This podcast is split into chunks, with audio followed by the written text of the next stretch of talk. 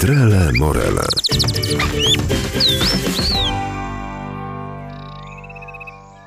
Proszę sobie wyobrazić, że wodniczka to jest taki gatunek, gdzie samiec właściwie to tylko śpiewa. Poza samym efektem e, zapłodnienia samicy tak naprawdę tylko śpiewa, a jego efekt e, rodzicielski to jest zapłodnienie, chociaż profesor Dycz, który tutaj jest e, najważniejszym badaczem tego gatunku, stwierdził, że samiec może mieć jakiś tylko wpływ na opiekę rodzicielską przez to, że śpiewając i modulując śpiew, czy wydając głosy kontaktowe, może ostrzegać samicę przed nadchodzącym drapieżnikiem, ale to tylko tyle. A tak w 100% samica.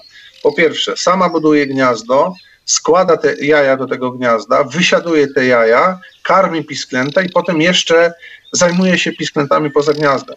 Te same historie niezwykłego rodzicielstwa można byłoby znaleźć e, w tej części świata, w jakiej my teraz żyjemy. Mówi Grzegorz Grzywaczewski, profesor Uniwersytetu Przyrodniczego w Lublinie, a zarazem prezes Wojewódzkiego Funduszu Ochrony Środowiska i Gospodarki Wodnej w Lublinie.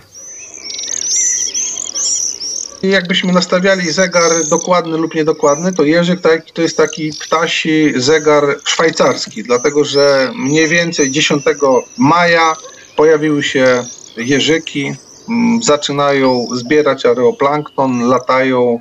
Jak nie wiem, pojedziemy na y, plac zamkowy, usiądziemy przed zamkiem, usiądziemy na schodach, może, może trochę wyżej, patrząc na dachy kamienic y, Starego Miasta, to zobaczymy, jak szybko, z jaką intensywnością tam kręcą się jeżyki.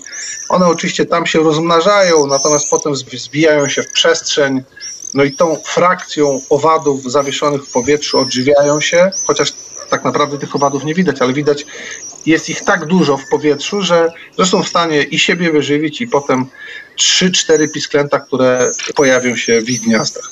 Przełom maja i czerwca powinny się pojawiać y, pisklęta jeżyków.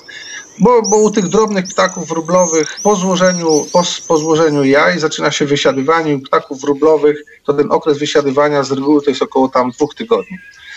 Od jeżyków jakoś tak nam blisko do jaskółek, a ostatnio właśnie widziałam taką wspólnotę mieszkaniową pomiędzy jaskółkami i żołną.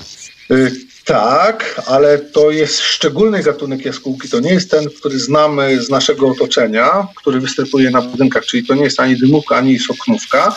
Jest jeden z trzech gatunków jaskółek i jeden z trzech gatunków ptaków, które kopie nory, bo ptaki albo budują gniazda otwarte, albo zamknięte, albo nad ziemią, albo na ziemi.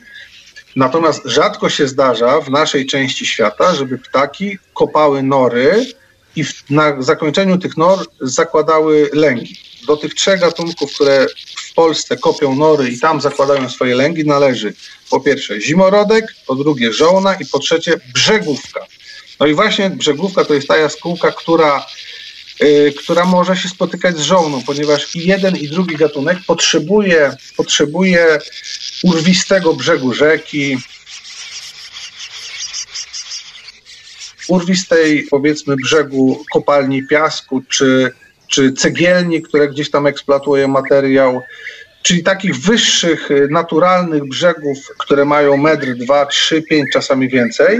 No i w tych, tych skarpach, pionowych skarpach też co ważne, one muszą być świeże, one nie mogą być zarośnięte roślinnością, bo i jeden i drugi gatunek żołna i brzegówka mają na tyle słabe pazurki, którymi wygrzebują te nory, że przez roślinność nie byłyby się w stanie przebić. A więc jeśli już to musi być to świeża skarpa, no i, i tak się zdarza, że, że oczywiście żołna, piękny gatunek, towarzyszy czy, czy współ czy tworzy kolonie wspólne z, z, z brzegówkami. To, panie profesorze, to o czym pan powiedział, to się doskonale właśnie wpisuje w to, co obserwowaliśmy w lasach mireckich. Otóż tam dwa lata temu przekopano jedną z takich skarb do budowy drogi po prostu.